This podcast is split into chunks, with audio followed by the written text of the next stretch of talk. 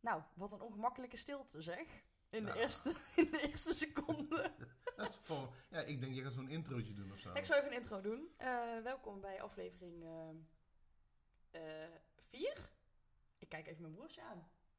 Is het aflevering 4? Het is aflevering 4 Oh, afle- aflevering 4. Oké. van eh, Janneke Tackelt het. En ehm jij bent eh, de tweede man van dit seizoen. oh, gezellig. En eh, er zijn niet veel mannen die altijd mee willen doen.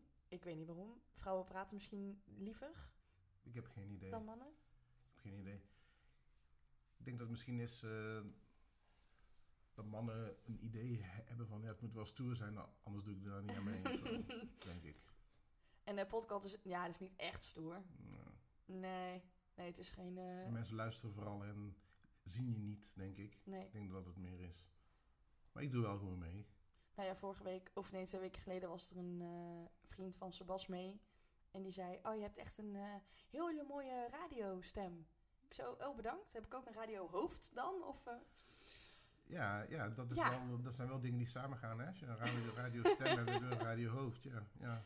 Als je Ehm, tussen de regels doorleest. Precies, ik weet niet of ik het moet opvatten als een compliment, maar het was volgens mij goed bedoeld. Nou, ik zou alles opvatten als een compliment.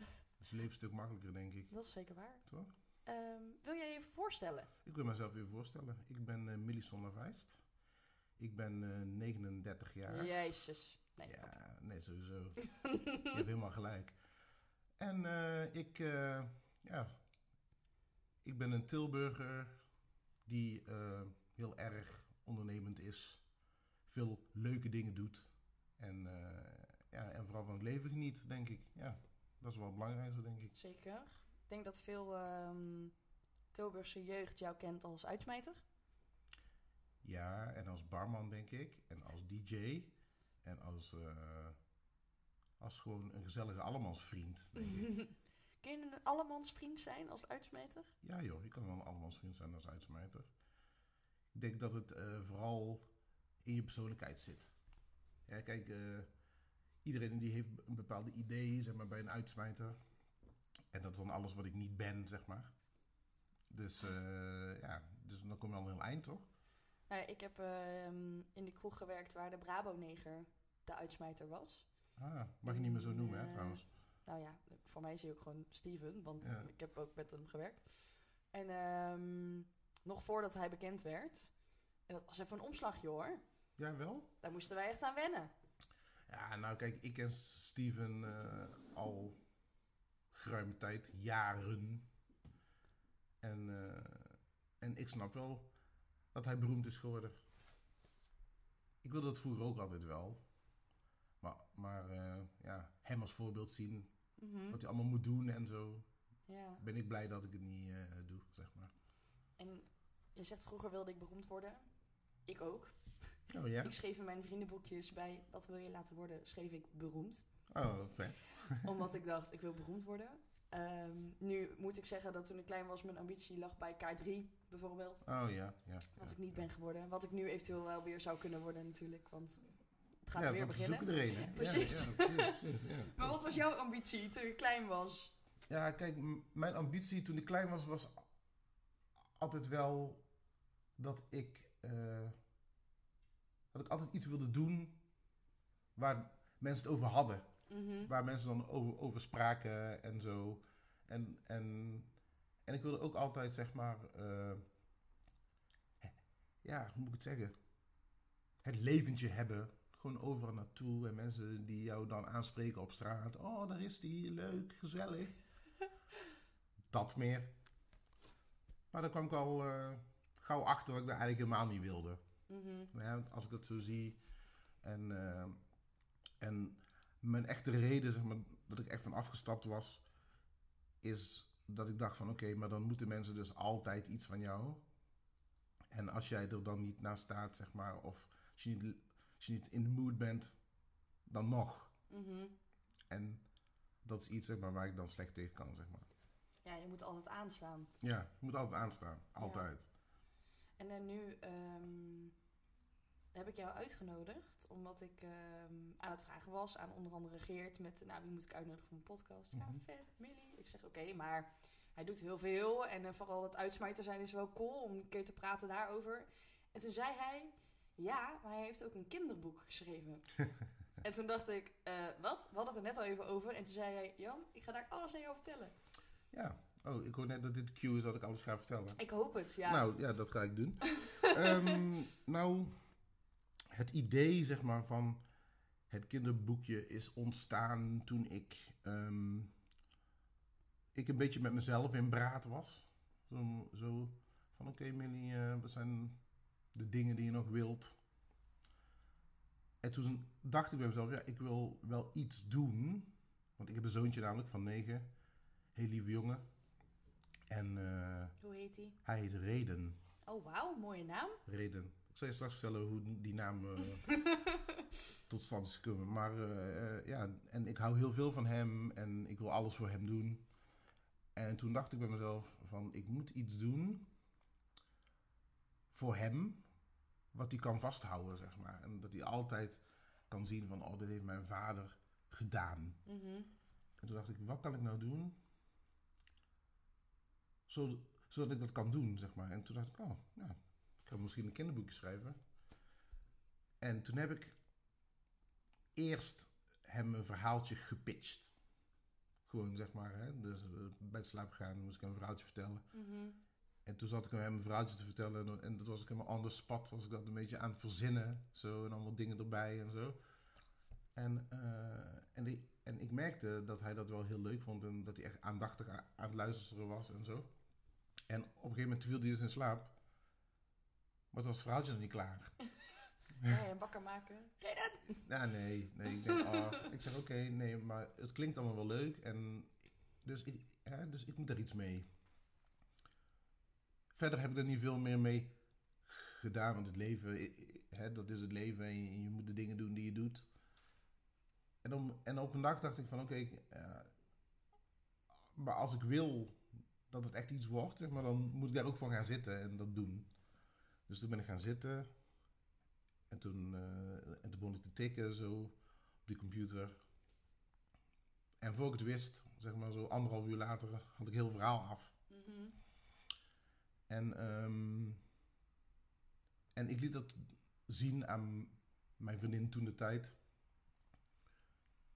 En zij zegt van, eh, oh ja, ja, dat is wel een leuk verhaal, maar ik denk niet eh, dat, dat ze dat echt gaan oppikken of zo. Want eh, je moet echt iets hebben als je naar die uitgevers gaat en zo. Mhm.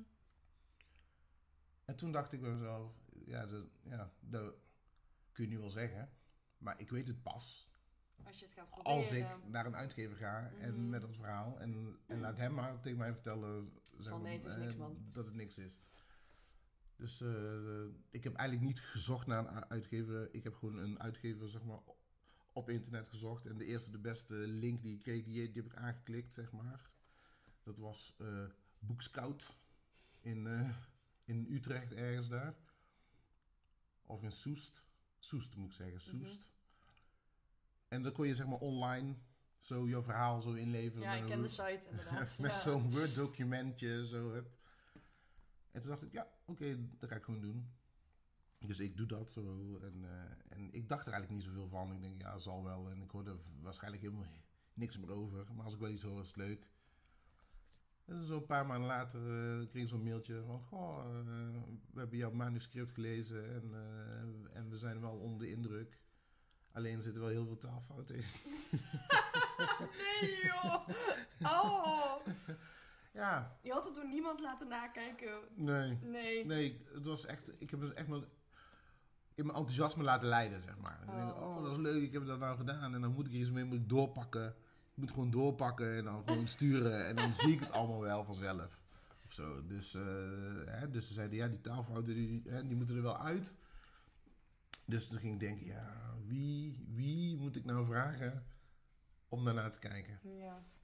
Dus ik, eh, ik denken, denken, denken. Ik toen aan mijn vriendin van, ja, ik ken iemand. Nee, nee, dat kost allemaal geld, het is allemaal duur, dit, dat. En toen dacht ik, ja, er moet wel een manier zijn. Er moet wel een manier zijn. En na hard nadenken, toen kwam ik erachter, was ik eigenlijk vergeten. Maar mijn tante is een lerares Mhm. op een basisschool. Mhm. Dus ik denk, misschien moet ik haar vragen. Ja.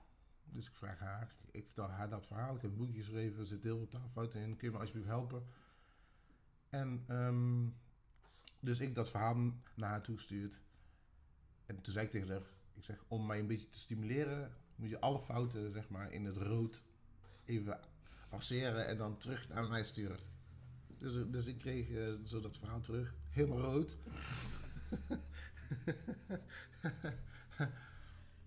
dus eh, toen dacht ik, ja, maar ja. Ja, ja, nou werkt het feit zeg maar, dat ik eh, dyslectisch ben helemaal niet mee. Zeg maar, dus ik denk, ja, kan ik nou wel weer doen? Maar dan komen er weer andere fouten. Dus ik weer denken, hoe ga ik dat nou doen? Hoe ga ik dat nou doen? En ik heb vroeger eh gebasketbald veel met vrienden. En, eh, en een van die jongens die daar dus kwam, hij was een advocaat. En toen dacht jij, die is Dus slim. ik, dus ik dacht, die hebben allemaal zo van dat fancy praatjes. Allemaal Mhm. zo en allemaal van die moeilijke taal. Dus als ik dan hem vraag, dan zou het misschien wel iets zijn. Hij heeft mij dus doorverwezen naar zijn vrouw. Die werkt eh, als lerares eh, op de Fontis. Dus ik heb haar benaderd. Ik zeg, goh, eh, dit, dat. En toen zei ze, ja, maar dan wil ik het wel even voorlezen aan mijn kinderen. Kijken hoe zij het vinden. Ik zei, ja, dat is goed, prima. En zo is dat balletje een beetje gaan rollen. Ze het gaan nakijken. En ze hebben die aanhalingstekens en die komma's en die punten allemaal zo op de plek gezet. Waar ze moeten zijn. En, en toen was die tekst dus af. En toen dacht ik, oké, dan kunnen we nou verder. Dus ik eh, weer mailen. Ik heb de tekst af. Ik zal het sturen. Dus ik stuur de tekst. Zij zeggen, ja, is leuk. En nou zitten die fouten er niet in, dus we kunnen doorpakken. Heb je al gedacht aan illustraties? En jij dacht, eh, Ik, nee. ik dacht, eh, nee, nee, nee, nee. Dus, eh, hè, dus dat is wel een rode draad zeg maar, in mijn leven. Dat ik allemaal dingen wil doen, zeg maar. En dan zonder echt goed doordenken zeg maar, hoe dat allemaal moet en zo. Mhm. Ik zie dat allemaal gaandeweg wel. Dus toen was ik op zoek naar een, naar een illustrator. Dus ik denken, denken, denken. Hoe ga ik dat doen? Ik ken niemand. En toen dacht ik, oh, er zijn allemaal van die Facebook groepjes. Mhm. Dus ik ga illustrator intikken en dan komt er wel een groepje uit of zo. Dus ik ben het eerste het beste groepje, ik mijn vragen daar neergelegd. En, ehm, en toen kwam ik dus uit bij, eh bij een heel lief meisje, Claire. En eh, zij studeerde op de Sint-Joost, zeg ik dat goed? Ja, de kunstacademie. Ja. Mhm. daar. En zij was heel erg in, eh, in, in illustraties maken en dingen en zo. En toen, eh, ja, toen brak eigenlijk eh, een soort van corona uit toen. Dus, dus ik had nog niet met haar afgesproken. Ik had haar wel een beetje het verhaal al uitgelegd. En ze was al wel een beetje met die personages en zo bezig. Maar ik kon dus niet met haar afspreken. Om te zien zeg maar, wat ze allemaal Ja. deed. Dus, dus het was allemaal online en zo. En, eh, en rond deze periode, zeg maar vorig jaar, toen we weer een beetje naar het terras mochten en die Mhm. dingen. Toen heb ik dus eh, echt ge- geprobeerd om met haar een afspraak te maken. Toen zijn we dus, of toen ben ik naar Den Bosch gereden, want zij woont daar. En toen hebben we dus op een plekje gezeten. En dan gingen we echt, eh, zij was ook heel erg meedenkend. Zij had een paar kinderboekjes ge- gekocht, zeg maar. En dan kon, kon ik een beetje Oh, kijken. zo leuk. Zo, hè, kon ik een beetje kijken van hoe dat dan in elkaar Mhm. zat en zo. En dan gingen we ideeën uitwisselen en zo. En, en dat, was een, ja, dat was wel een heel goed gesprek toen. En, eh, ja, en, toen, en, ja, en toen was het eigenlijk gewoon wachten op haar tekeningen. Mhm. Hè? En, eh, en nou ben ik wel zo dat ik weet dat als iemand creatief bezig is, dat je die niet, niet zeg maar eh, steeds een soort van mo- moet pushen en, en erachteraan moet blijven zitten, want dan krijg je het slechtste werk, vind ik Mhm. dan. Dus het was wachten, hè, wachten en doen en wachten. En mensen om me heen allemaal van, hoe zit het nou met jouw boek? Hoe zit het met jouw Mhm. boek? Eh, Dit, dat. Hè, die worden allemaal enthousiast en het duurde allemaal lang, want we waren inmiddels al ruim een jaar verder. Mhm. En eh, ik denk, ja, geduld, geduld, komt goed. Corona was dan de smoes. Corona, corona. En uiteindelijk, toen zij dus al die tekeningen klaar had, toen, eh, ik weer naar die uitgever. Ik zeg, dit zijn tekeningen. Oh, fijn, vet, vet. We gaan jou een, een proefdruk sturen. Zij mij die proefdruk sturen. Ik sla die open. Wat zie ik? In die tekeningen allemaal essentiële dingen. Die waren eraf gesneden, zeg maar. Hè? Dus, dus Oeh. de hoofdpersonen, hè, dat is een wasbeer en, een, en een eekhoorn. Een staart. Oh, wat e- oh, ik krijg hier helemaal de stuipen van. Helemaal zo die staart zo half afgesneden en zo. Dus ik weer terug. Ik zeg, ja, ik zeg, maar die essentiële delen die worden man. afgesneden. Dus de staart van de, van, de, van de eekhoorn is wel belangrijk. En toen zei ze, toen zeiden ze van, ja, eh, dus, ja, je- moet een soort van marge om die tekening heen hebben. Dat alles zeg maar binnen dat kader valt. Mhm. En dan kun je de buitenkant wel een soort van afsnijden. Dus ik weer terug naar de illustrator. Ik zeg, ja, dus is, eh, doe, hè, er moet een soort van marge tussen zitten van 8 mm zo eromheen. Zij ook weer van, oh, maar kunnen zij dat zelf niet doen dan? Ik zeg, ja, nee, dat moet jij doen. Oh, oké, shit, oh, prima. Dus daar Mhm. wachten, wachten, wachten. En uiteindelijk is het allemaal heel goed gekomen. En toen was het mooi en was leuk en gezellig. En eh, toen heb ik mijn, eh, het eerste exemplaar dus aan mijn zoontje gegeven. En hij was helemaal blij en hij was helemaal trots. En toen was hij naar school gegaan. Mijn vader heeft een boekje geschreven. En dan eh, zo voorlezen en zo, dit, dat. Toen, ehm, toen werd ik benaderd voor het Brabants Dagblad. Mhm. Want die hadden dat verhaal dus een soort van opgepikt. En die wilden wel een interview doen. Dus heb ik een interview gedaan daarover. Eigenlijk hetzelfde verhaal verteld. wat ik nu ook tegen jou vertel. En toen kwam het dus in de krant. En toen is het helemaal gaan rollen. En toen kwam een oude lerares eh, van mijn basisschool. Die benaderde mij toen. Goh, leuk dat je boekje hebt geschreven. Hoe vind je het eh, om eh, het op je oude basisschool weer voor te komen lezen bij de kleuters? Zo. Ik zie jou al helemaal zitten bij al die kleuters. Ja. Met je kinderboekje. Ja, als uitsmijter. Zo. Oh, Ja, daar zitten. En eh dan hadden we een beetje zo eh, eh, een, een soort van Q&A. Jij ging een soort perstour doen, maar ja, dan bij kleuterklassen. Ja, maar dan mijn kleuterklas perstour. Er was ook maar één school. dus ja, die kinderen ook allemaal laaiend enthousiast en leuk en zo. Eh, en voor mij was toen de cirkel rond. Hè. Ik heb op school, op die basisschool, heb ik leren lezen en schrijven. En dan mag ik mijn kinderboekje daar lezen. Dus eh, ik vond het wel mooi zo. En eh, iedereen denkt dan, of vraagt dan, ja, en komen er nog meer boekjes? Ik had daar wel een paar ideeën voor. Dus eh, nou moet ik de stoutschoenen weer aantrekken om daar Mhm. weer heel dat proces weer mee te gaan maken, zeg maar. Maar het mooie ervan is eh, ja, dat het kan wanneer ik dat wil. Ja, zeker. En, eh, Waar kunnen we je boekje kopen? Mijn boekje kun je kopen op eh www.boekscout.nl slash Ravi en Sam gaan zwemmen. En dan eh, krijg je zeg maar zo'n webpage en dan kun je klikken en dan... eh, En hoe duur is je boekje? eh 15,99. Nou, jongens, toch geen geld? Is geen geld. Let's go. Nee, ja, toch? Goed, man. En Dus, eh, ben je al rijk? Nee, ik ben niet rijk. want eh, dat is ook weer een punt eh, waar Want ik ja, niet, waar ik niet naar heb gekeken. 15,99 moet je wel veel boekjes verkopen voordat je... Ja, nou, dus eh, wat het nou is, is omdat die uitgever mij dus geen cent gevraagd heeft, maar wel voor al die productie Mhm. opdraait, zeg maar, is het zo dat de royalties, dat, heet royalties, is eh, ik krijg 10% van de 1599 Nee! En de rest gaat naar hun? en de rest gaat naar hun. Oh, wat veel! Ja, oh. ja, ja, precies. Dus ik was mezelf al een soort van rijk aan, aan het rekenen. En denk, ja, eh, 1599. Als ik zoveel boeken heb, dan is het eh, dit, dat. Maar ja, ik nog delen door 10. Oh, ja, ik moet lachen omdat het... Een beetje, het is super logisch, hè. Zo'n uitgever moet natuurlijk ook geld verdienen. Ja, precies. Maar het is echt diefstal van je eigen portemonnee, gewoon dit. Ja, aan de ene kant wel. Als je het zou doen, zeg maar, om er rijk van te worden, Mhm. dan wel. Maar die hele ervaring, zeg maar, dat maakt je wel zoveel rijker. En dat is eigenlijk beter, zeg maar, dan eh, al die centen ei- ei- eigenlijk. Hè. Dus het verhaal, het verhaal, zeg maar, op zich is eigenlijk mooier Mhm. dan, eh, dan al die euro's, zeg maar. En ehm, terugkomend op jouw zoontje. Jij Ja. zei net ook, ga je daar vertellen hoe we op zijn naam komen? Ja, zijn naam, Reden, dat is ehm, Reden is in de Japanse mythologie de beschermheilige van de aarde.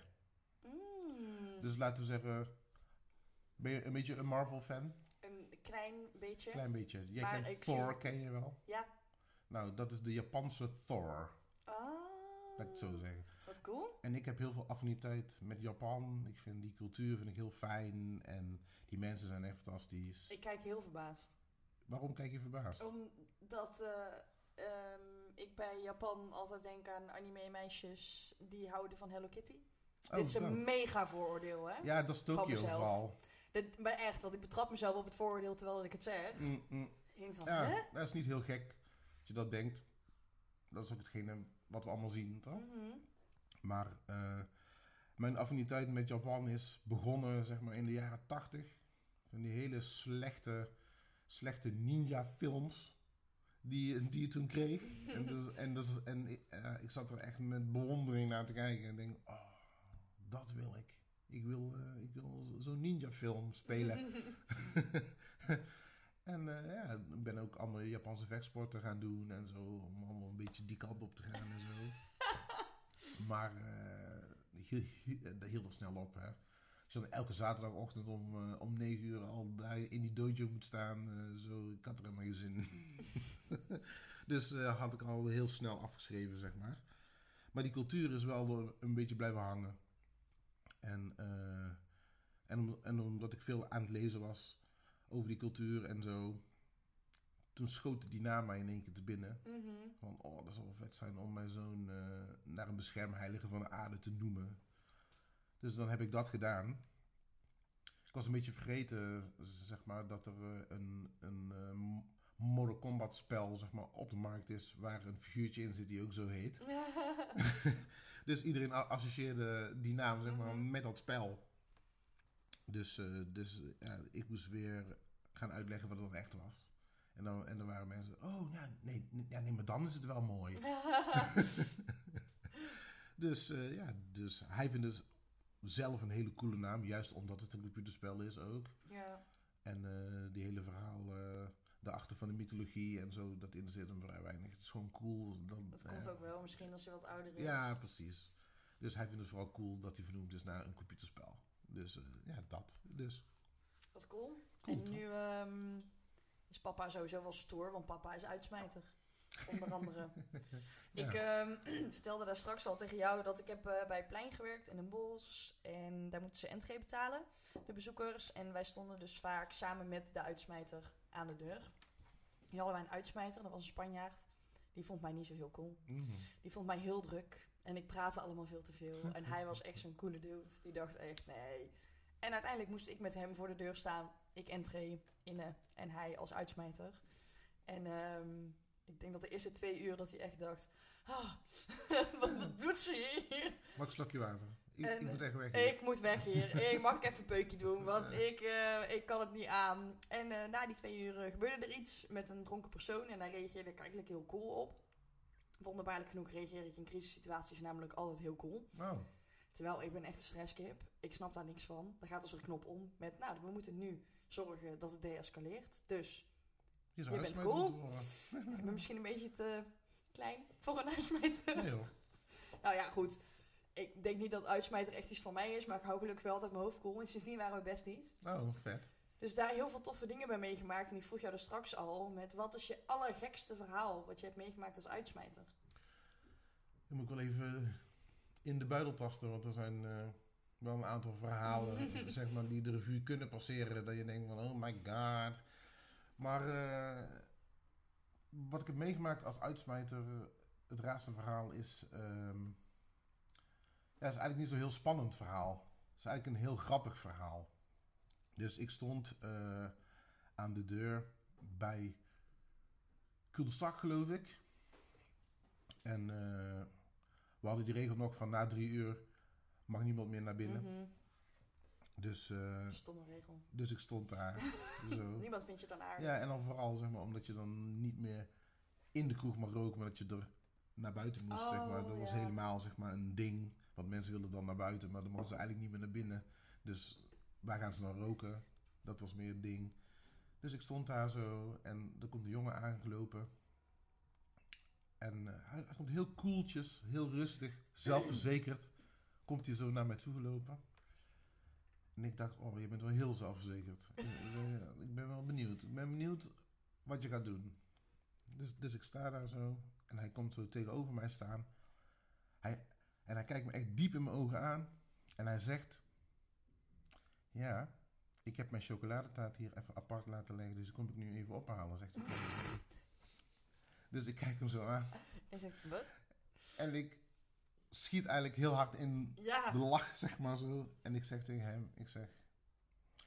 Kom maar binnen, jongen. Ik zeg, dit is de beste die ik ooit heb gehoord.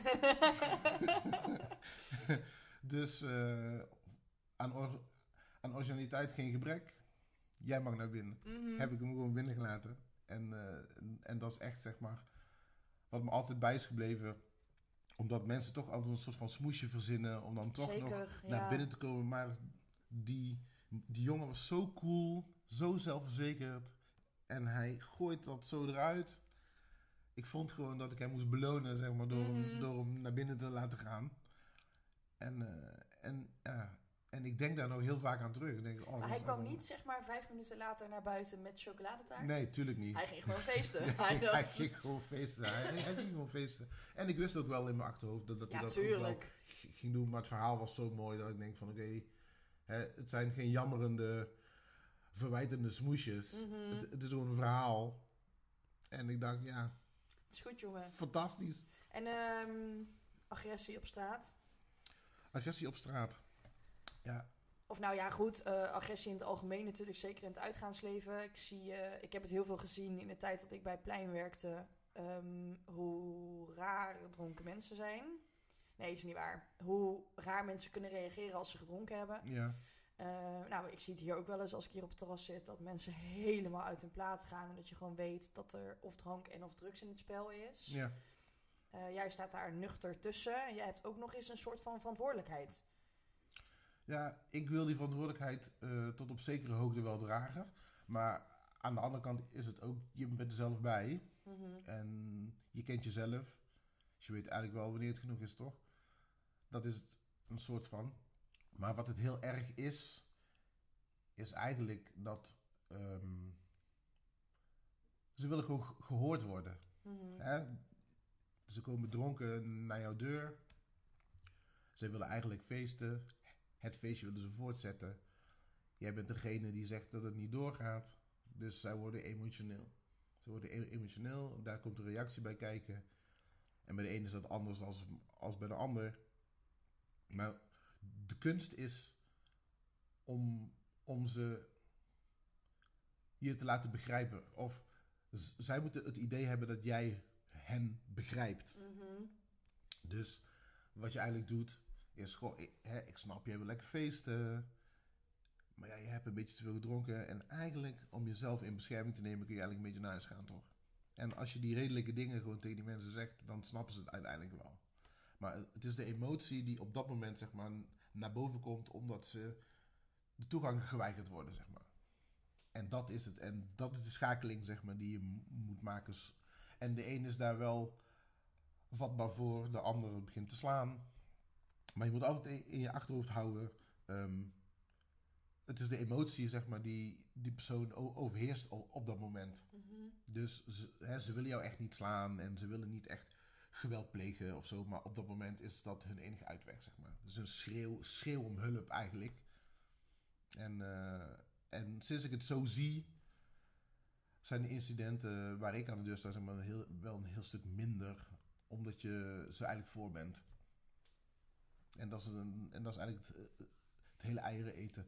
Kijk, en al die vechtpartijen zeg maar, die je op, op straat hebt, dat is eigenlijk zelf, Zeker nu, jij zit nu in zo'n soort molen van eh Mallorca, Gersonisos. Overal worden jongeren in elkaar geslagen op jongerenvakanties. Ja, ja. Meisjes misbruikt. Ehm, je ziet nu, vooral, het is natuurlijk altijd, maar nu lijkt er een soort focus te liggen op agressie in het uitgaansleven. Vooral Ja. in het buitenland, maar Ja. wel vaak met Nederlandse jongeren. ja. Wat vind je daarvan?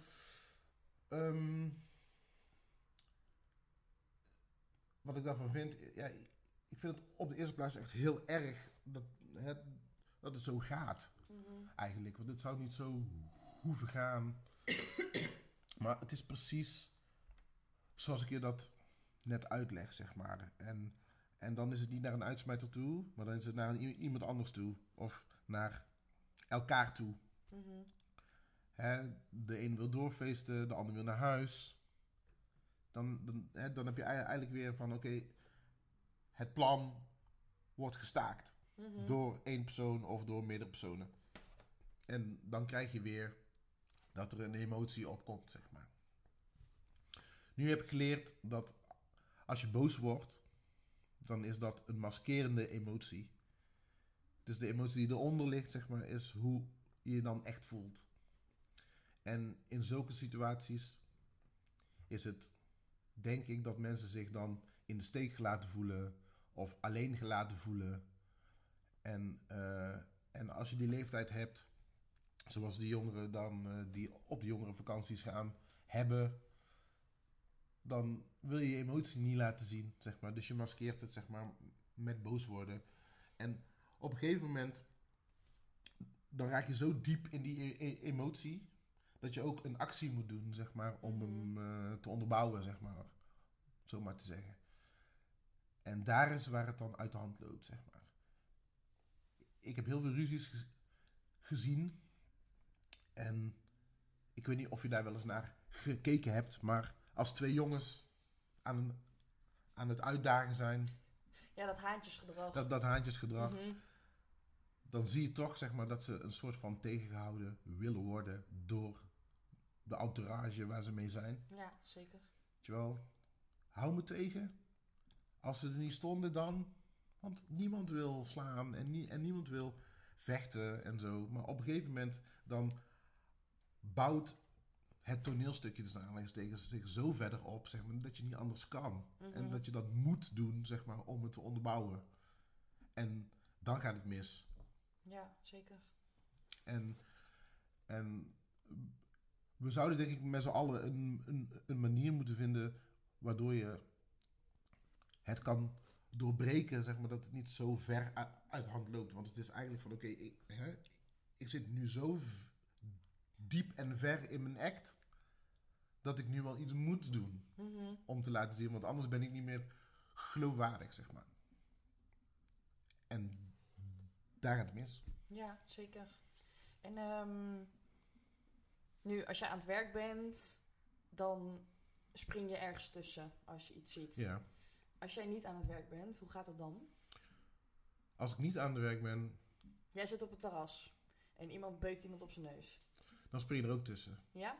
Ja, en dat is toch een beetje van... eh, men kent jou, men weet dat je aan de deur staat, men verwacht eigenlijk dat je iets doet. Mhm. Zeg maar, hè? Dat, is, eh, dat is met een politieagent zo, dat is met een militair zo, dat is met een brandweerman zo. Dus al, al die essentiële beroepen, ambulancepersoneel. Als, als men weet dat je een van die beroepen hebt, dan verwacht men eigenlijk instant dat jij iets doet. Mhm. En als je niks doet, dan, dan- ja, dan is het raar. Zeker. Dus dat is, dat is eigenlijk de verantwoordelijkheid die het werk met zich meedraagt, zeg maar. Dat je eigenlijk altijd aan het werk bent. Ik, ik merk het ook, zeg maar, eh, als ik ergens binnenkom. De manier waarop ik naar een kroeg kijk, zeg maar, is, is, is, is helemaal anders. Ik kijk, oké, waar zijn de nooduitgangen? Waar moet ik gaan staan? Voor als er iets gebeurt, dat mensen naar mij toe moeten komen. Dat ik niet van achter of zo, of iets. Dan ben je on- onbewust ben je daar gewoon altijd mee bezig. Mhm. Eh, ik, eh, ik heb wel eens mogen DJ'en, zeg maar. En als je dat doet, als je dan uitgaat, luister je ook heel anders naar die muziek.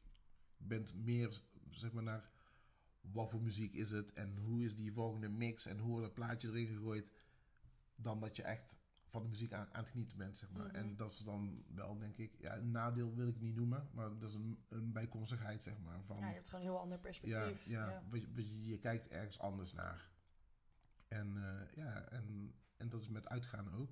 Ik ga, ik ga uit als een beveiligde DJ slash, Zes kinderboekenschrijvers. slash kinderboekenschrijver. ja, dus ik zie overal een verhaal in nu.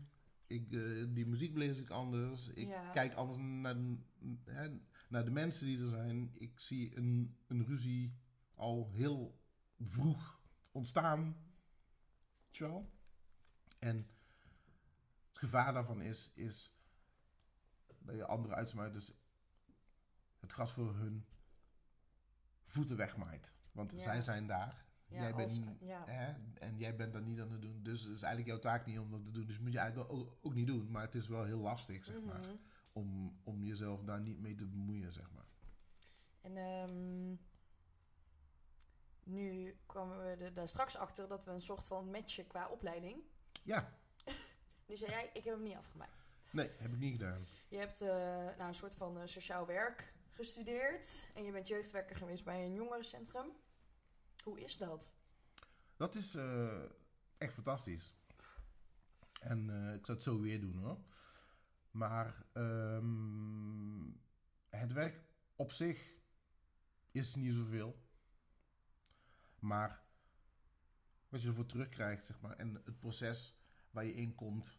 En als je ziet, zeg maar, dat mensen stappen vooruit maken, zeg maar, dat maakt het echt gewoon fantastisch. Ehm, je hebt laten we het voor het gemak zeg maar Kees noemen. Je bent in het jongerencentrum en Kees komt. En Kees kijkt een beetje rond. En jij ziet Kees en je zegt: Hé, hey, ik ben Millie. Wie ben jij? Ik ben Kees. Ja. Zegt Kees.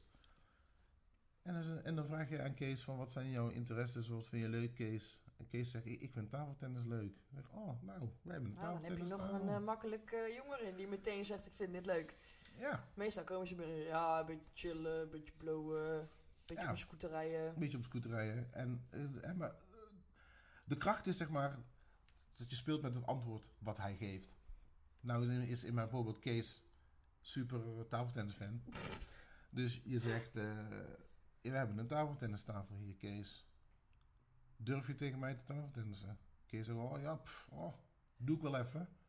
En je gaat tafeltennissen met Kees. Maar ondertussen weet jij, zeg maar, dat het half elf in de ochtend is. En dat, Dat Kees, eigenlijk al, en dat Kees naar school moet. En nadat je hem zeg maar de eerste keer finaal met de grond gelijk maakt, zeg maar, met, dat, met het potje tafeltennis. En eh, het tweede potje vraag je aan Kees. Kees, zeg jij bent nou hier, maar moet je niet naar school of zo? Mhm. Of iets. Dan hebben ze maar twee scenario's, hè. Of Kees gaat erop in en zegt waarom niet naar school gaat. Of Kees wil er niet over praten. Dan moet je het even laten liggen, zeg maar. En dan pak je het een andere keer op, zeg maar. Maar, dat, maar je bent al bezig, zeg maar, met het proces. Je, je, je laat Kees, zeg maar, eh, zien dat je interesse in Kees hebt. En dat Kees bestaat en dat Kees wel iets betekent. En vanuit daar moet je werken, zeg maar. Hè? Het is wel grappig, eh, nu ik dit zo vertel. We, we zaten gisteren... Mijn zusje was gisteren jarig. En ik was, Gefeliciteerd. dank je. En ik was op bezoek. En toen zaten we dus heel slap, za- zaten we undercover boss, zeg maar, in, in één keer te kijken. Fantastisch programma. Ja, nee. Heerlijk, jawel, Su- ik hou saai. ervan. Zo Amerikaans en zo saai, ik vind het fantastisch. Vooral bij McDonald's of zo, dat ze dan opeens friet moeten bakken en dat ze helemaal niet weten hoe. Ja, precies. Maar, ja, maar dat was dus niet de strekking van het verhaal. Want in die aflevering die, ik aan, aan het kijken was, dat was dus die, die boss, die was, on, on- on- hè, die was undercover. En die employee daar, die, die had er geen zin in. Die zit alleen maar af te kraken shit. Hij zegt, oh, ik vind hier niks en... eh, Ik wil weg. En ik, ik wil, eh, eigenlijk niet, ja, en dit, dat. En dan was het een kledingmerk, zeg maar. En hij, en hij pakt zo een shirtje uit het rek. Hij zegt, ja, dit zou ik niet aantrekken. Want als je naar het shirtje kijkt, dit, is, dit zou een vijfjarige dragen. Ik Zeg, ah, hè, als je op date gaat eh, met een, een of andere mooie dame, dan ga je dit niet aantrekken. Dus ik denk, oké, oké, wat gaat hij nou doen? Mhm. Dus mijn zusje, die heeft ook een soort van sociale werkachtergrond. Dus ik zeg tegen haar, ik zeg maar, als ik die baas was, dan zou ik hem niet met- meteen ontslaan. Want hij zegt wel dingen. En eh, dus zij vraagt aan mij, ja, wat zou je dan doen? Ik zeg, nou, nou, ik zou hem dus op kantoor roepen na dat alles. Ik zeg, goh, je, je hebt duidelijk, zeg maar... eh, een mening. een mening en er is iets aan, aan, aan de hand. kijk, hoe je met me praat, zeg maar, daar ben ik niet mee eens. Maar daar kunnen we nog aan werken. Maar wat is jouw verhaal? Waarom ben jij wie jij bent? Waarom praat je zoals je praat? En waarom doe je waarom je doet? En misschien kun je daar dan wel weer iets mee. In plaats van hem gelijk zo klakkeloos, zeg maar, trein af te schoppen, zeg maar. En toen kreeg ik dus een gesprek met mijn zus daarover. Zij was het daar wel mee eens. Niet met alles. En dan, hè, dan krijg je zo een gesprek daarover. En ik vraag haar, nou, hoe zie jij het dan? En zij vertelt mij hoe zij het ziet. En eh, dus ja, wij zijn allemaal wel een beetje social working-achtig of zo. Allemaal. Ja, ik zit echt naar jou te luisteren met echt een glimlach van oor tot oor. Omdat ehm, heel veel mensen mij altijd vragen... Janneke, waarom ben je in godsnaam ervaringsdeskundigheid gaan doen? Hm. Want het is super pittig. Je gaat je eigen ervaring meenemen in het werkveld. Er komt veel oudseer naar boven. De opleiding is echt heel pittig. Ehm, waarom werk je niet gewoon bij de Albert Heijn? Eh, nou, omdat ik de Albert Heijn zou ik niet gelukkig van worden. Eén. Ehm, maar alles wat jij net zegt, heeft als essentie eigenlijk met dat, eh, zeker voor jongeren waar we het nu over hebben, dat die binnenkomen op plekken en ze denken dat ze helemaal niks meer waard zijn. Ja. En dat heb ik gezien op mijn stage, maar dat zie ik ook veel nu op mijn social media. Ik ben niks meer waard. En dat is niet waar. En jij vertelt hier met dit tafeltennis, maar het kan ook iets heel anders zijn. Ehm, dat is de reden waarom ik gekozen heb voor dit vak. Niet omdat het heel goed betaalt of omdat het altijd even leuk is. Nee. Want het is zeker niet altijd even leuk. Maar als je over vijf jaar een eh Facebook berichtje krijgt met... eh hey maat, Ja, ik ben nu dit en dit aan het doen. Dat is toch fantastisch? Dat, dat, daar doe je het voor. Ja, precies. Kijk, en ja, hoe jij het nou doet, zeg maar, met jouw eigen ervaringen, zeg maar, erbij, dat is eigenlijk nog krachtiger als hoe ik het dan deed. Want hè, als jij jouw, jouw eigen verhaal, zeg maar, vertelt, dat laat dus aan die jongeren zien dat ze helemaal niet alleen zijn daarin, ook niet. En dat het niet altijd slecht af hoeft te lopen, zeg maar. Hè, daar ben jij het voorbeeld van. Mhm. En, en, ik, en ik denk dat het heel krachtig is, juist omdat ze dan met hun eigen ogen kunnen zien, zeg maar, dat het wel zeg maar, een positieve kant op kan gaan. Zeker. Maar, en dat zeg ik tegen iedereen, het is ook gevaarlijk. Is ook. Want je bent daardoor wel meteen heel dicht bij de cliënten. Of bij de jongeren. Ehm, waardoor ik altijd een andere connectie ga maken met jongeren die dezelfde problematiek hebben als ik, dan met een jongere die dat niet heeft. Het is maar net zeg maar hoe.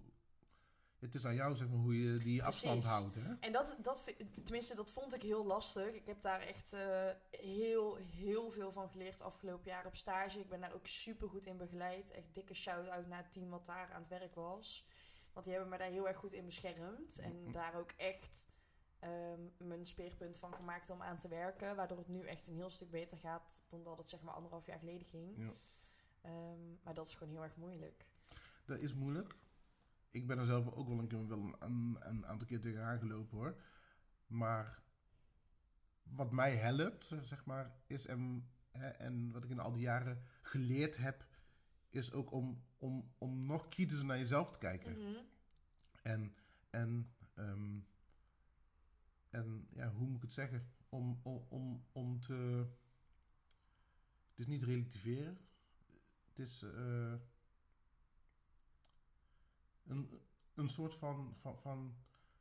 Een feedback aan jezelf te geven. Van Mhm. oké, dit, is niet hè, dit is niet helemaal gegaan zoals, als, zoals ik dacht dat het zou moeten gaan. Waar is het fout gegaan? En hoe heb ik daar aandeel in? En hoe kan ik dat anders doen? Wel, het is wel een, een soort van motto geworden bij mij, zeg maar, dat ik altijd aan het proberen ben om de allermooiste, grappigste, fantastische versie van mezelf te zijn. Mhm. Elke keer weer opnieuw. En, eh, ja, en het zorgt er gewoon voor dat je heel kritisch naar jezelf kijkt, zeg maar. En ik denk dat het wel heel belangrijk is dat het geen sleurtje wordt of zo. Dat je altijd scherp bent en dat je altijd bewust bent van jouw acties, zeg maar, in, in, in het samenkomen, zeg maar, Ja. met mensen, weet je wel. ja, en ik denk dat zeker de jongeren houden je ook wel scherp. Ja, Want die zijn heel eerlijk. Tenminste, meestal. Vooral als iets er niet aanstaat, zijn ze heel eerlijk. ja, ja, ja, ja. Als ze je kut vinden, vinden ze je gewoon kut. Ik bedoel, daar kun je dan niet omheen. Nee, precies. Dat is wel iets wat je meteen hoort. En dat is wel, eh, daar kun je dan weer aan werken samen. Waarom vind je mij kut? En komt dat omdat ik iets raars zeg? Of omdat je mijn haar stom vindt? Of weet ik veel wat. En ehm, nou, nu zitten wij hier en jij vertelt heel veel verhalen. Maar wat doe jij nu? Wat ik nu doe. Aangezien de kroegen hartstikke dicht zijn in de nacht. Je kinderboekje is klaar. Nou, zal ik je eens vertellen wat ik nu doe? Behalve chillen en Netflixen. Ja, doe ik niet zoveel. We hebben wel eh, Undercover Bas kijken. Ja. Ja, toen was ik toevallig op bezoek. ik was op bezoek toevallig. Nee, wat ik nu doe is, eh, ik eh, heb mijn grenzen verlegd. En ik ben afgelopen mei, ben ik eigenlijk gestopt met beveiligingswerk. Mhm. En ik heb een eh, sprong in het diepe gedaan. En ik werk bij Amarant. En ik begeleid eh, complex, meervoudig gehandicapte cliënten nu. Ja, en ik zit helemaal te lachen, want ik, wil, eh, ik vind het zo leuk. Ik woon in de buurt bij Amarant. Ik weet niet of jij ook op deze locatie werkt. Eh, nee, ik Nee. eh, werk aan de locatie aan de Bredase weg. Daniel de Brouwerpark. Ehm, kun je eens uitleggen voor de leken, zeg maar, ehm, hoe jouw dag eruit ziet? Dan kan ik wel uitleggen hoe eh, mijn dag eruit ziet. Ik kom daar om 7 uur op de groep. Dan is als het goed is, liggen ze nog te slapen. Dat is 9 van 10 keer niet helemaal zo. En dan eh, ga je ze dus opstarten. Het is gewoon echt wakker maken. Goedemorgen wensen. Zorgen dat ze hun tanden poetsen. En dat ze onder de douche gaan. Dat ze naar de toilet gaan. Voor degenen die dat zelf kunnen, doe dat zelf. Voor degenen die dat niet zelf kunnen, doe jij dat. Zorgen dat ze eten. En, ehm, en er zijn een aantal die gaan dan eh, tussen aanhalingstekens naar werk. Die gaan dan eh, naar een eh, gebouwtje waar ze de hele dag zeg maar eh, allemaal dingetjes doen. En dan is voor hun aan het werk. Mhm. Voor degenen die niet naar werk gaan, zeg maar, die moet je op de woongroep zeg maar eh, een soort van entertainen, om zo maar te zeggen. En als ze goed in hun vel zitten, dan, dan kun je een kleurplaat maken, kun je dit doen, kun je dat doen. Als ze niet goed in hun vel zitten, dan, ja, dan willen ze niks. En dat is ook oké. Mhm. Weet je wel? Maar het is eigenlijk gewoon echt... Je bent gewoon aan, aan het zorgen voor ze.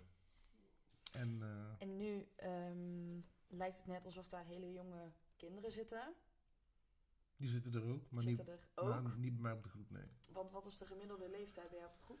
De gemiddelde leeftijd bij mij op de groep... Ja, wij, wij hebben eigenlijk... eh, we hebben twee kanten. We hebben een oudere kant en een jongere kant. De jongste op de oudere kant, die is eh 33. Mhm. En de oudste is 73. En aan de jongere kant is de jongste 19 en de oudste 36. Dus het is ook schakelen zeg maar, tussen de twee kanten. Zeg maar. Zeker. En eh, aan, de, aan die oude kant is, is, hè, is het echt verzorgen. Mensen die incontinent worden. Mensen die niet meer voelen dat ze naar het toilet gaan of moeten. En, en, die verschoon je dan. En je helpt ze met eten, want ze kunnen niet meer eten. En dat is eigenlijk een beetje. En, en aan de andere kant, bij de jeugd, zeg maar, is het echt dat je aan het stimuleren bent dat, dat ze dingen zelf gaan doen. Hè, dat ik niet de hele tijd hun tanden moet poetsen, maar als op een gegeven moment een doel is dat hij dat dan zelf kan. Mhm. En ja, dat is wel een beetje schakelen. Intensief werk, maar wel heel dankbaar werk. Heel fijn werk ook. Ik ben echt blij dat ik eh, die switch heb gemaakt. Ja, kan ik me voorstellen. En jij zegt, ehm, we werken er naartoe dat ze zelf hun tanden kunnen poetsen. Ik denk dat veel luisteraars denken, eh tanden poetsen, dat is fucking makkelijk. Ja, maar als je meervoudig gehandicapt bent, is dat een stuk moeilijker. Waar moeten we dan aan denken? Waar moeten we aan denken? Even kijken. Wij hebben een jongen op de groep zitten, die is eh, lichamelijk gehandicapt, zeg maar. Hij zit in een rolstoel. Dus hij is mobiel, zeg maar, heel slecht.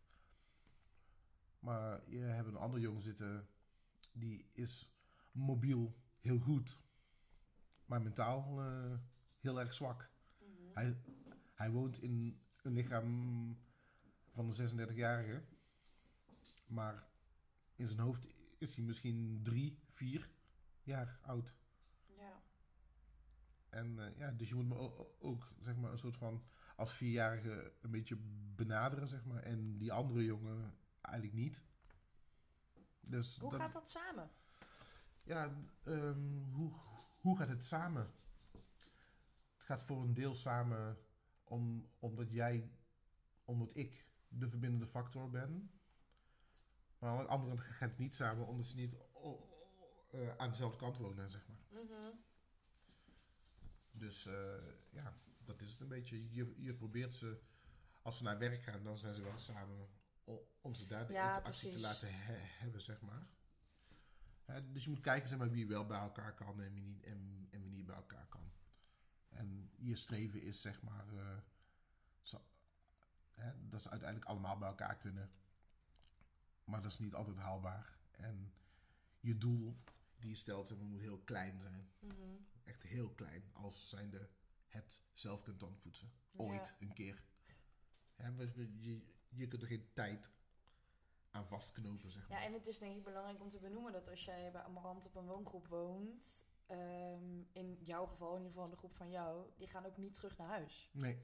Ja, er zijn een aantal die wel naar huis gaan in het weekend. Zo. Ja, maar niet, er is geen doel gemaakt met we gaan deze cliënt zo goed mogelijk helpen zodat hij straks weer naar huis Nee, kan. nee. Nee. het doel is we gaan deze cliënt hier op de groep een zo'n fijn, prettig, gezellig, fantastisch leven geven.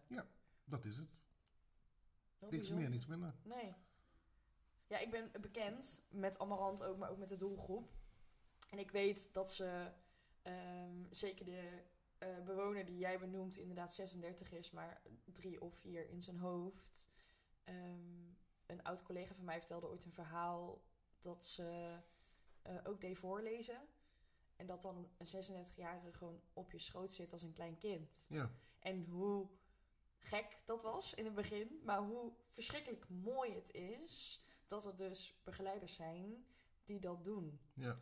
En ehm, ik heb altijd geroepen, nee, is niks voor mij, is niks voor mij.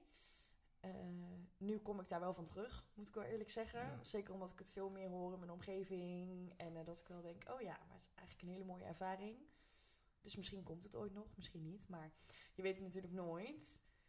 En eh, ik vraag me ook af, je krijgt veel dankbaarheid van de bewoners zelf.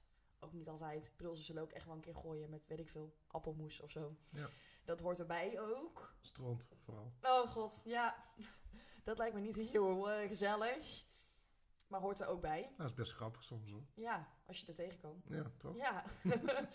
maar wat ik wilde vragen was, hoe zit het met ouders?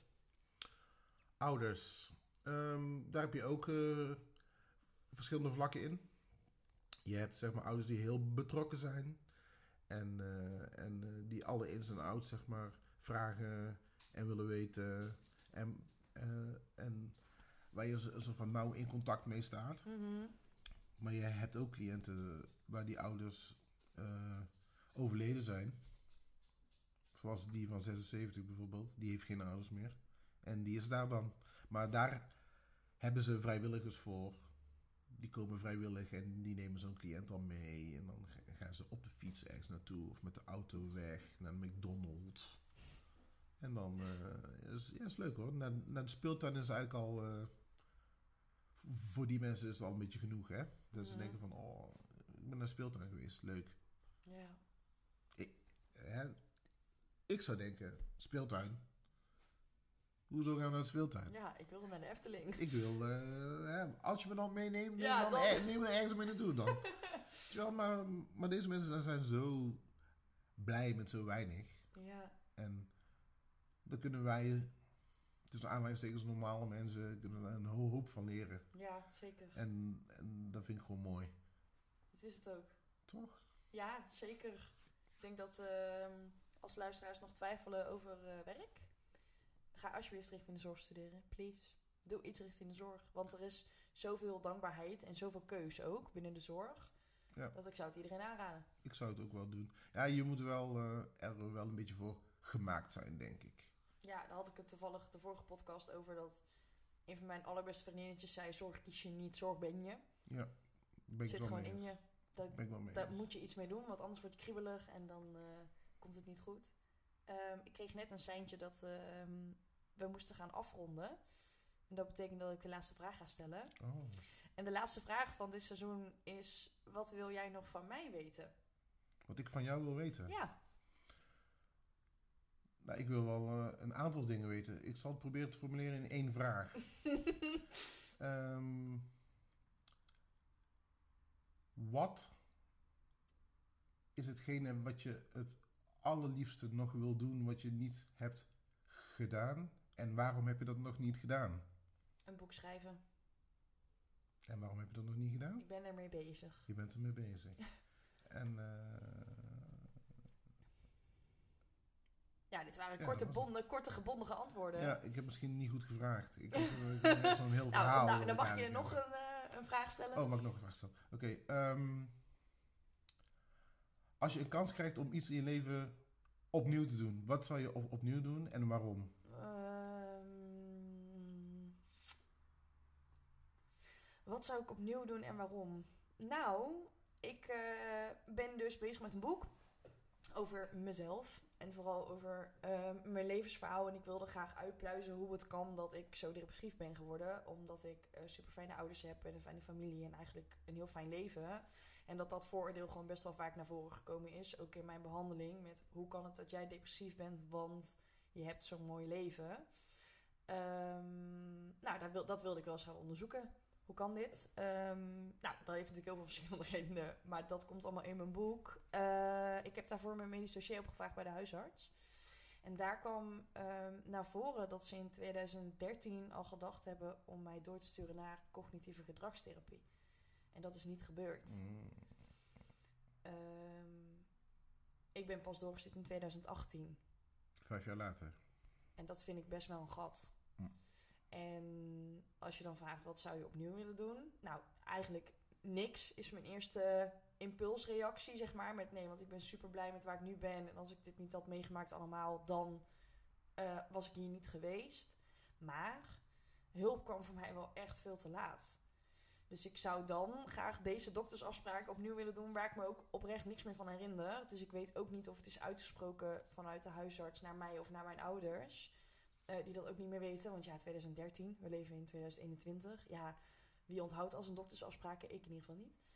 Ehm, ik zou die afspraak wel opnieuw willen doen. Hm. En het dan aanpakken. Want Ja. dat zou betekenen dat ik vijf jaar eerder hulp had gekregen, waardoor ik misschien wel ehm, dezelfde klachten ontwikkeld had en mezelf ontwikkeld had zoals ik nu ben, alleen dat dan de put iets minder diep was geweest. Hm. En nou ja, zeker omdat ik ook heel suicidaal ben geweest, dat stukje had ik wel over willen slaan, man. Mm, En ik vind het heel erg bijzonder dat ik er nog ben, maar dat ik dat moet zeggen terwijl dat ik 26 ben, vind ik heel zwaar. ja. En dat stukje, ik ben blij dat ik het heb meegemaakt, omdat ik het nu kan meenemen in mijn werk en in iets heel moois. Maar nee man, ik zou dat, niemand, niemand zou dat mee moeten maken. Ja, het is jammer dat we af moeten ronden. Misschien moeten we een deel 2 maken. Je zei al, hoezo gaan we een uur opnemen? Want... ja, maar je, je ziet het, we zijn duidelijk nog niet klaar. Hè? nee, nee, het is, eh, nou ja, misschien moeten we dat, eh, met- dan nodig ik je bij deze uit voor seizoen 3. Dat is goed. Dat duurt wel nog even, hè? Want daar Ik zit altijd tijd. een tijd tussen. Maar misschien ben je dan wel een kinderboek en ik een boek verder. Ja, toch? Je weet het maar nooit. Je weet het nooit. Nou ja, dan ehm, staat dat bij deze. Nou, Dus voor de luisteraars die denken, ja shit, dit was superleuk. Nou, dan komt dus een deel 2. Ja, deel 2. Heb ik zelf geregeld, dames en heren, trouwens. Dus, eh, Dus eh, ik voel me helemaal niet onder druk gezet hier met een uitsmijter aan de tafel. Nee.